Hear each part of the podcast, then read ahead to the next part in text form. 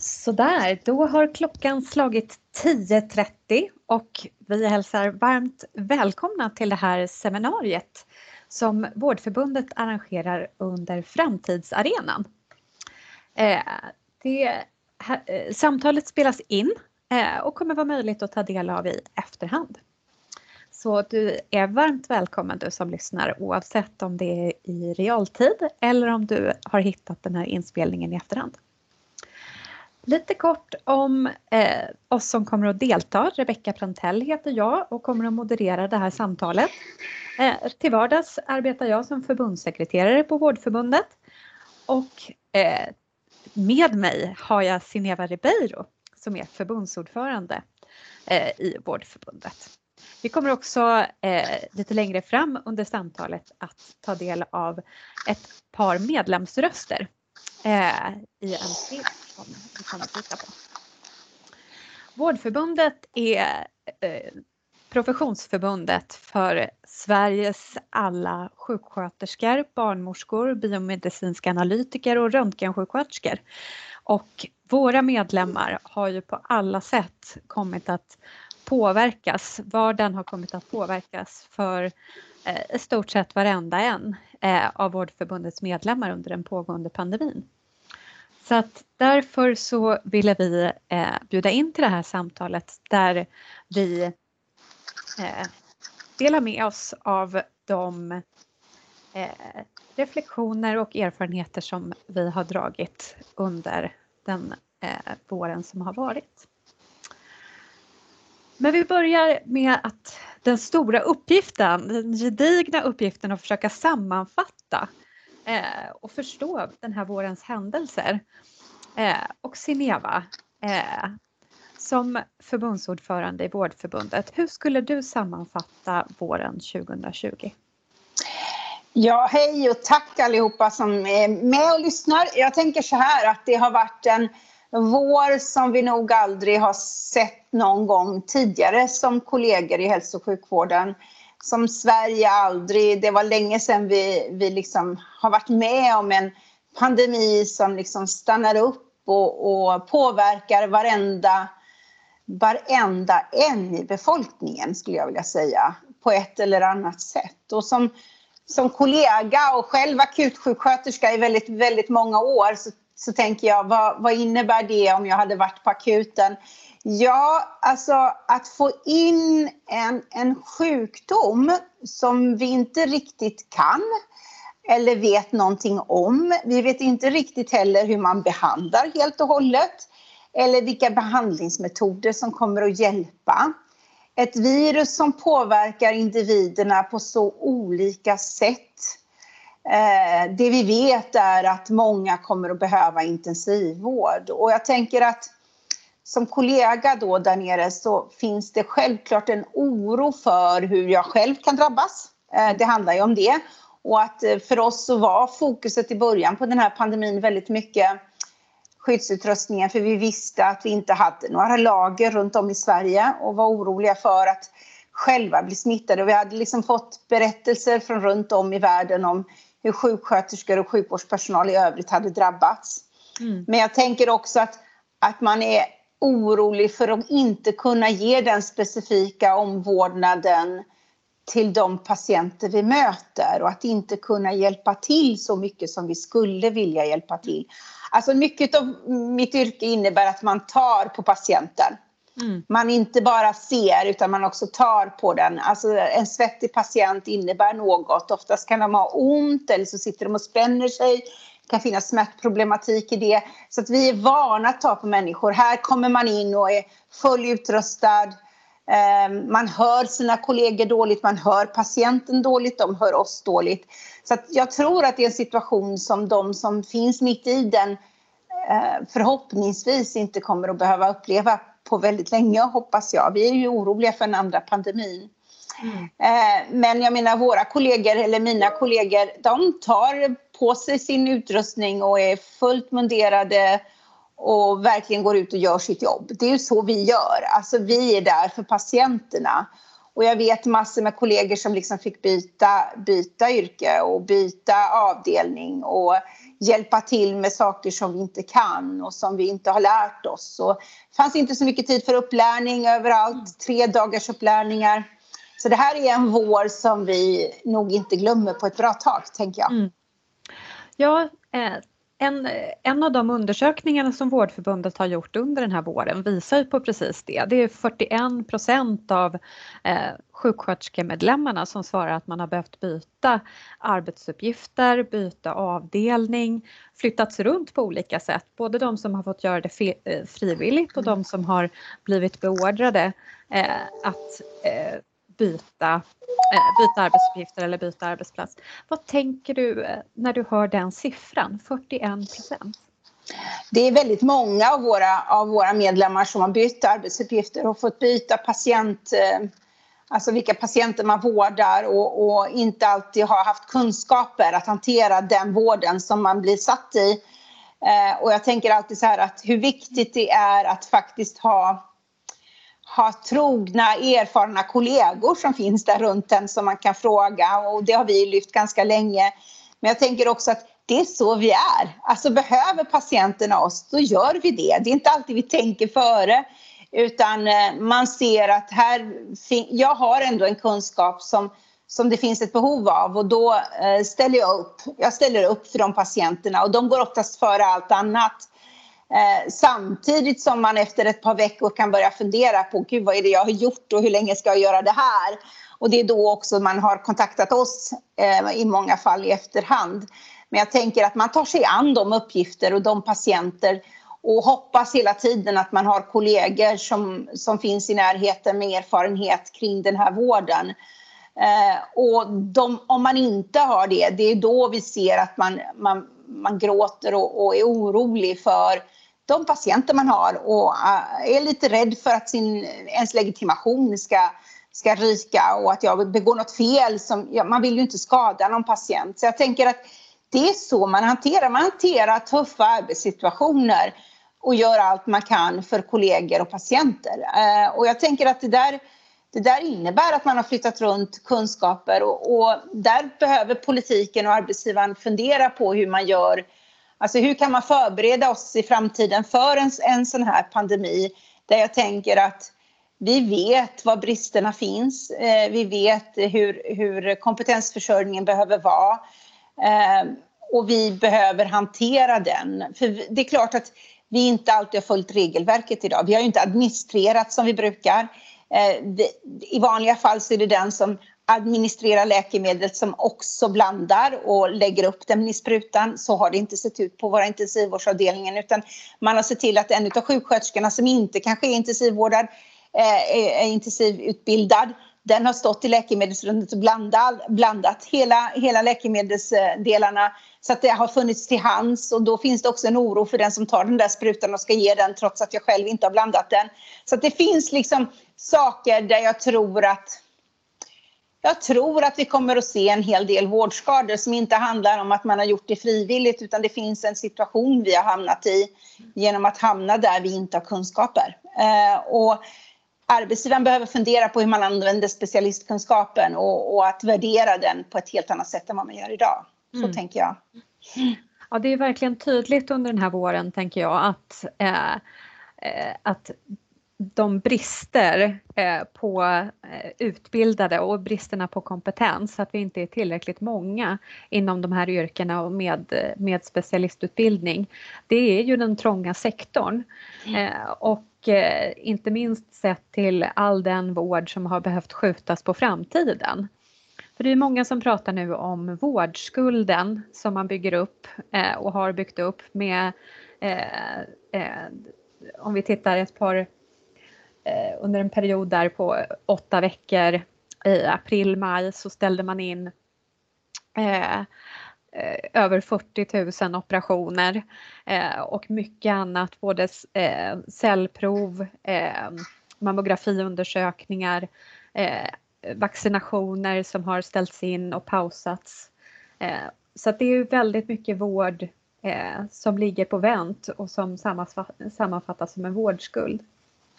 Eh, Men du brukar i de sammanhangen då också lyfta återhämtningsskulden som man har till personalen. För även om saker har lagts på vänt så är det ju inte så att man har gått och rullat tummarna i de här verksamheterna, långt ifrån. Det är ju, Absolut. Eh, har ju varit högre arbetsbelastning än på mycket länge. Men hur ska ja. man få ihop de här två? Jag tänker så här att eh, våra medlemmar finns liksom i hela vårdkedjan. Eh, och jag brukar säga att vi finns där från födseln till döden, alltså i hela människors liv. Och, eh, de som lever i Sverige har någon gång mött någon av våra medlemsgrupper. Det är så det ser ut. Eh, och jag tänker att det som märks så tydligt, det handlar om till exempel att vi idag har barnmorskor som har mer än en aktiv kvinna vid förlossning. Det kan man inte ha om man har en, en smittad covid-19-mamma. Utan då kan jag inte gå mellan två eller tre rum där, där liksom mamman är i förlös, ut, förlösningstillståndet. Utan jag måste hålla mig till det här rummet. Då innebär det att då finns det en brist av mig som barnmorska i de, i de enheterna. Men jag tänker, hela vårdkedjan innebär för mig att när vi har en vårdskuld, jag, jag läser ungefär, eller det, de senaste siffrorna jag har sett handlar om ungefär 5 000 operationer i veckan har legat på vänt. Ehm, vad innebär det? Jo, vi tror att jag tror att vi kommer att få in ganska många i höst när den här skulden ska tas om hand som är mycket, mycket sjukare än de hade varit om vi hade tagit om hand om direkt. Jag tror också att den arbetsmiljöskuld som jag brukar uttrycka eh, som, som arbetsgivaren har till våra medlemmar innebär att man kan inte bara fylla på. Nu ser vi till att på lördagar så kör vi full operationsprogram, vilket vi aldrig gör annars. Utan på lördagar och söndagar så kör vi alltid bara akutoperationer. Men om vi kör in programmet där, ja men då blir det ju att bara fortsätta och nöta av den där arbetsmiljöskulden. Utan jag tror arbetsgivaren måste klokt nu fundera på, jag tror för, för det första behöver vi återhämtning och vila innan vi kan sätta igång den där skulden. Det tror jag är jätteviktigt för att Annars tror jag vi kommer att se jättehöga sjuktal av våra grupper och då får man ändå inte vård mm. som medborgare. Så det handlar om en, en, liksom, en, en vågskål som arbetsgivaren verkligen måste fundera ihop med oss som finns i hälso och sjukvården. Alltså använd oss och vår kunskap kring hur man skulle kunna ta in dem där. Eh, och jag tänker att, att det blir en viktig fråga för att lösa den vård som, som då har fått stå tillbaka. Men jag tänker också att vi har inte heller... Alltså det är så mycket annan vård. Jag läste själv häromdagen att malignt melanom har vi ett visst antal i månaden i Sverige. Det är inte rapporterat ett enda på tre månader. Alltså vi kommer att se väldigt svårt sjuka, malignt melanomsjuka patienter som kommer in i höst. Det vill säga en cancerform som smittar väldigt mycket och som, vi, som man blir väldigt sjuk av. Så att, och vi finns i hela vårdkedjan. Alltså, vi behöver våra röntgensjuksköterskor inte bara för covid-19-lungorna eh, och de röntgenlungorna man gör, utan det handlar ju om även all annan vård som görs för att kunna diagnostisera. Jag tänker biomedicinska analytiker som nu är en, en jättestor brist på och där jag tror är en av orsakerna till att vi faktiskt inte har kunnat skala upp Eh, Eh, de provtagningar som regeringen har gått ut med. Alltså det finns ju ingen diagnostik av covid-19 utan biomedicinska analytiker. De måste finnas där för att vi ska kunna få det. Jag tänker sjuksköterskor och specialistsjuksköterskor både i äldrevården, äldreomsorgen men också på våra specialistsjukhus och sjukhus där, där bristen har varit så stor att man verkligen har flyttat runt oss och eh, inte minst eh, eftervårdskedjan. Så nu när man också startar det här och säger att vi bara börjar och tar oss an den här vårdskulden i september. Jag tror inte det är så enkelt, utan du måste tänka hela vårdkedjan. Du kommer att behöva diagnostiken, du kommer att behöva vården inne på sjukhus, men du kommer också behöva rehabilitering och eftervården, men även äldreomsorgen och äldre eh, eh hemsjukvården för att kunna hantera den här vårdskulden. Och, och det där tror jag inte riktigt eh, arbetsgivaren har tänkt på. Att det, mm. det är inte bara operera och ha anestesi, operation och IVA utan det handlar om hela vårdkedjan som behöver in just nu. Eh, och det, där, det där vill vi gärna vara med i en dialog kring om hur, hur skulle man kunna hantera den och jag tror att det blir jätteviktigt för oss. Eh, och jag tänker också att från att ha varit prioriteten, prioriteten i Vårdförbundet att, att se till att det finns skyddsutrustning i hela den här vårdkedjan, där vi fortfarande ibland får signaler om att i hemsjukvård, i äldreomsorgen så har inte våra sjuksköterskor eller den personal som finns där ute tillräckligt med skyddsutrustning så handlar det mer om återhämtning och vila nu efter fyra månader av fullt arbete. 12,5 timmars veck, eh, dagar med 60 timmars veckor och en massa övertid. Äh, man sover dåligt, äh, man får rent fysiska besvär, det vill säga högt blodtryck, hjärtklappning och allt annat som, som mm. det kan leda till. Så jag tror att arbetsgivaren behöver vara, hantera den här skulden varsamt och ha en plan som är på mycket längre sikt än att i september fixar vi det. Det är en viktig balans i det där. Nu ska vi titta på en, eh, en kort film med röster ifrån ett par av Vårdförbundets medlemmar. Eh, där vi har bett dem reflektera över, det är några, några delar här som vi har sett under pandemin och krisen, både eh, eh, positiva eh, delar som, har, eh, som vi har sett men också utmaningar för hälso och sjukvården eh, där bland annat sjukskötersketätheten i äldreomsorgen och vi har också eh, alla de kollegor som har lämnat hälso och sjukvården eh, och eh, eh som alltså jobbar med helt andra saker idag. Hur ser man på det och hur, vad, tänker, vad tänker medlemmarna om, eh, om det? Så att vi tar en kort film.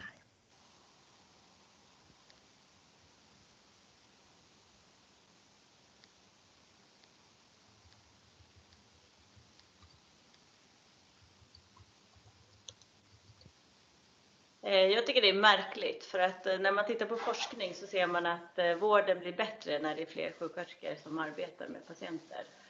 Fler legitimerade sjuksköterskor ger bättre vård, ser man i forskning min uppfattning är ju att vi har ganska många sjuksköterskor som utbildar sig i Sverige men som går till Norge på grund av att man har en bättre lön och ett bättre förhållande helt enkelt.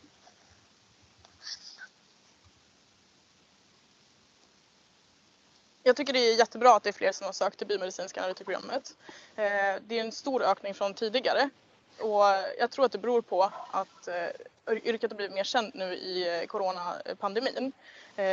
Vårt yrke har helt enkelt blivit mer synligt och samhället förstår bättre vad det är vi gör och varför vi är viktiga i vårdkedjan. Däremot så är det viktigt att det även i framtiden fortsätter vara ett högt tryck på sökningarna till biomedicinska analytikerprogrammet för annars har vi inte tillräckligt med personal.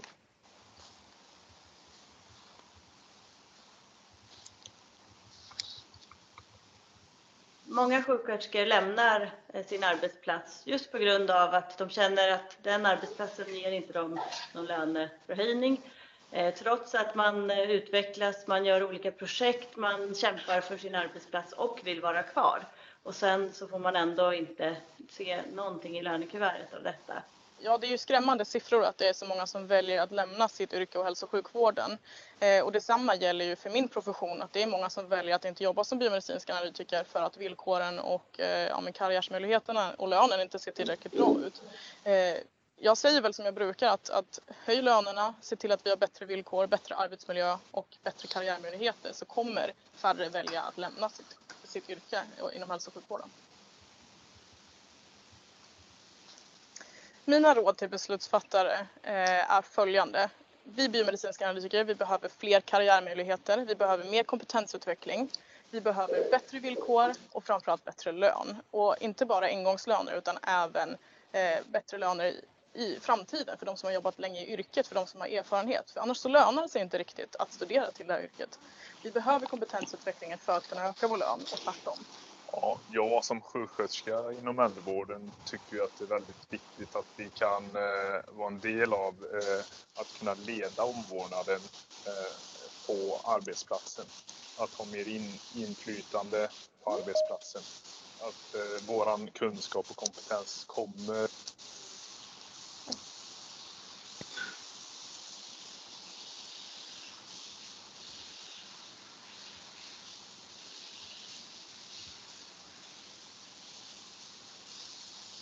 tycker jag att det är väldigt viktigt att vi kan eh, vara en del av eh, att kunna leda omvårdnaden eh, på arbetsplatsen. Att ha mer in, inflytande på arbetsplatsen. Att eh, våran kunskap och kompetens kommer fram ordentligt och att vi hanterar det som vi ska hantera i omvårdnaden tillsammans med våra kollegor. Det är väldigt viktigt att vi får den platsen.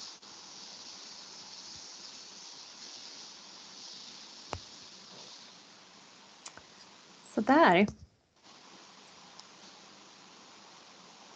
Då ska vi se. Det var den eh, korta filmen.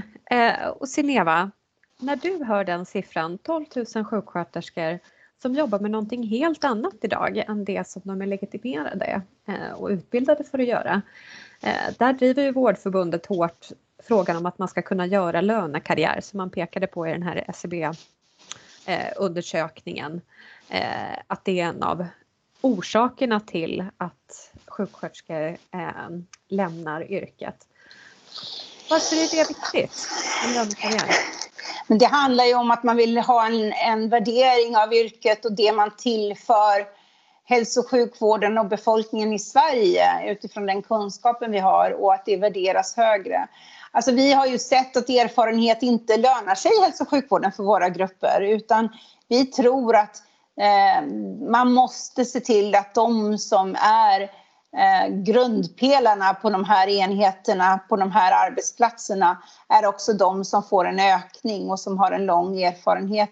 Därav ett avtal som vi faktiskt skrev eh, förra året som så väl ger arbetsgivaren den möjligheten. Och vi ser ju redan nu att vi har regioner och kommuner som tar tillfället i akt i det avtal vi har skrivit och verkligen försöker se till att värdera de, de med lång erfarenhet och som är de här grundpelarna ehm, en högre lön. Och det är verkligen rätt väg att gå om man ska kunna behålla alla de här kollegorna och vi behöver dem allihopa. Så är det.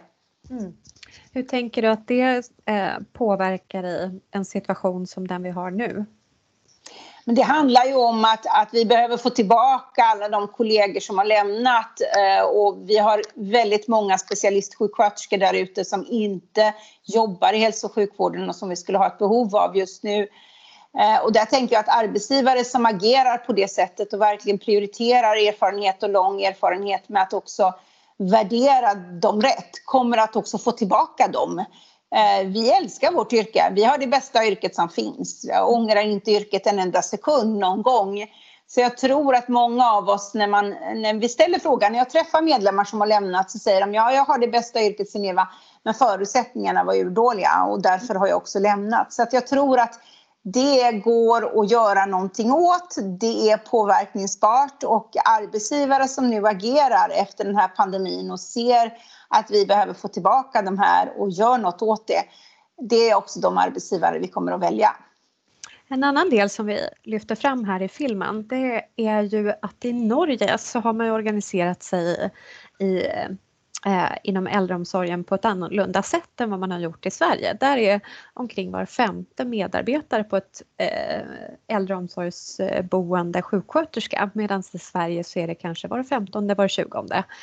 Eh, vad tänker du om det och situationen som ändå har varit på eh, äldreboenden under pandemin med smittspridning? Jag kan säga att jag lyfte redan den här dialogen första veckan med mötet med SKR i början på mars. För jag, vi fick redan då signaler från medlemmar som finns i den här verksamheten om att man var orolig för hur det här skulle hanteras. Eh, jag tror ju att det också handlar om eh, kunskap, alltså kunskapsnivå i omvårdnad, kunskap om hygien och att leda omvårdnad på äldreomsorgen, äldrevården som som har gjort att, att vi också fått en smittspridning. Sen kommer det alltid att diskuteras hur smittspridningen har ökat och varför den har ökat och vi kommer väl inte att, att, att kunna svara på frågan helt och hållet. Men det handlar om att vi fick signaler redan i början, alltså redan i mitten på februari av andra länder som hade kommit mycket längre i smittspridningen om att våra 70-plussare och våra multisjuka sköra äldre behöver, behöver skyddas. Och det var de man också såg gick bort runt om i världen. Och jag tänker att man glömmer lite att när du hamnar på ett äldreboende eller har stort behov av hemsjukvård, då är du oftast multisjukskör. Och sen får du covid-19 på det, alltså en jättesvår sjukdom. Det är klart att vi behöver bli fler sjuksköterskor för att kunna hantera de här multisjuka sköra äldre. Och jag tror att en av orsakerna till det vi fick signaler väldigt tidigt från, från medlemmar med lång erfarenhet i äldreomsorgen som eh, så tydligt sa att där vi har lång erfarenhet, där är smittspridningen eh, inte lika stor och vi lyckas skydda våra äldre. Eh, vi har kunskap om hygienen, vi bör kunna leda den specifika omvårdnaden av, av de här multisjuka äldre. Men det innebär också att kommunerna måste se att de är vårdgivare och inte bara socialomsorgsgivare. Och det handlar om att få in fler sjuksköterskor i den här eh, vården. Mm. Och till sist då, väldigt glädjande nyheter får man ändå säga. Både eh, de biomedicinska analytikerna, ansökningarna till de programmen som vi eh, lyfter fram här i filmen som har ökat med 21 procent och ansökningar till att eh, läsa till sjuksköterska har ju ökat med 34 procent. Mm, mm. Eh, och det är ju fantastiskt eh, såklart. Vad, vad Eh, när du först fick se de siffrorna? Vad, då, blir man, då?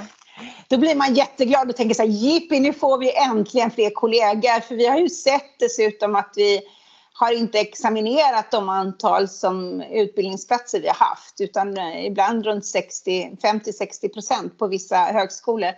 Vi behöver verkligen alla de här kollegorna och vi har det bästa yrket i världen.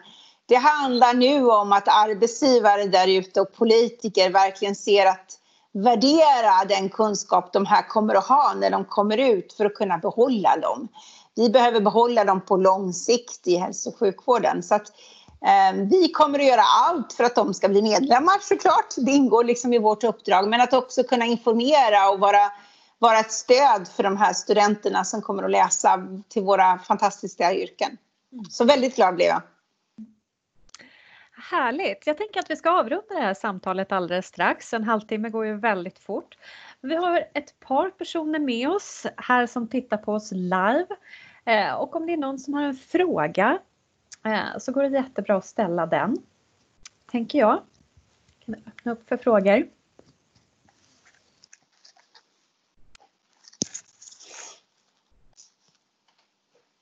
Ska se om det... Det går att skriva i chatten också tänker jag precis.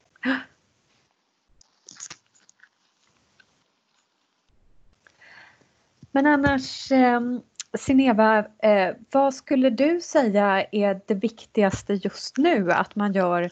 Eh, vi fick ju ett par medskick här i filmen till beslutsfattare. Eh, bland annat om eh, sjuksköterskans kunskap i ledningen i den kommunala hälso och sjukvården. Hälso och sjukvården. Eh, vad tänker du är det, de viktigaste lärdomarna att dra från våren för beslutsfattare? Jag tänker att eh, det behövs en kommission där vi som professioner också finns med. Vi behöver ta lärdom av det som vi har sett och, och vi har ju försökt att föra, föra anteckningar på de bilder och historier som medlemmar har skickat in. Jag har massor med exempel på vad vi behöver se. Inte minst när det gäller både skyddsutrustning och läkemedel så behöver vi ha en, en beredskap i landet som staten tror jag behöver ha ett större ansvar kring. Jag tror inte att det går att göra att liksom 21 regioner och 290 kommuner själva hanterar den frågan. Utan det har, så att vi behöver liksom ta lärdom av det vi har sett och vi är jättegärna med och bidrar med det vi har med oss och det vi har fått av våra medlemmar. Så det gäller verkligen att att hantera det här. Jag tänker, vi vet inte om det kommer en andra våg och jag hoppas om det nu kommer en andra våg att vi är mer förberedda än vad vi var för den här gången. Och då måste vi också kunna laga efter läge, det vill säga rätta till under tiden också det som vi ser behöver göras. Och där är vi på, vi vill det och det finns medlemmar som hela tiden lyfter goda exempel och ser att här går det att göra på annat sätt. Och det, det gäller att också ha arbetsgivare och politiker som lyssnar. Mm. Ja, en fråga här på chatten. Hur jobbar man idag med karriärmodellen, eh, karriärmodeller enligt eh, det avtalet som, eh, som Vårdförbundet har med SKR? Jag kan säga att det pågår ett jättearbete där. Det är ju ett av våra uh, arbeten som vi la in i det här, i den här, um, det här avtalet, HÖK 19. Eh, vi tittar just nu runt om i landet och tar in de olika modellerna för att få en bild av vad finns idag och hur vill vi utveckla avtalet och koppla det till eh, karriärmodeller. Och jag tror att det vi behöver utveckla och som jag tror är väldigt tydligt det är karriär i nära patientarbete. Alltså det måste gå att göra karriär trots att du är kvar på enheten eller finns i hemsjukvården eller i äldreomsorgen. Eh, och det där har vi med oss i det arbetet. Det kommer att redovisas nästa år eh, hur långt vi har kommit och under tiden så kommer vi att jobba lokalt med de eh, ordförande men också förtroendevalda vi har och också medlemmar för att kunna få in ja, ex, de goda exemplen skulle jag vilja säga. Vad finns där ute och hur kan vi använda det för att sprida det? Mm. mm. Fortsättning följer alltså när det gäller karriärmodeller som en, som en väldigt viktig byggsten i en hållbar kompetensförsörjning inom häls eh, hälso och sjukvården. Sineva, tack så jättemycket för att du, hade, eh, för att du tog det här samtalet med mig och mm. Tack också till alla er som har varit inne och lyssnat i realtid på det här samtalet och tack till dig som har lyssnat också på seminariet nu i efterhand. Eh, Vårdförbundet driver frågor som handlar om att utveckla vården, Eh, och villkoren för vårdens medarbetare varje dag.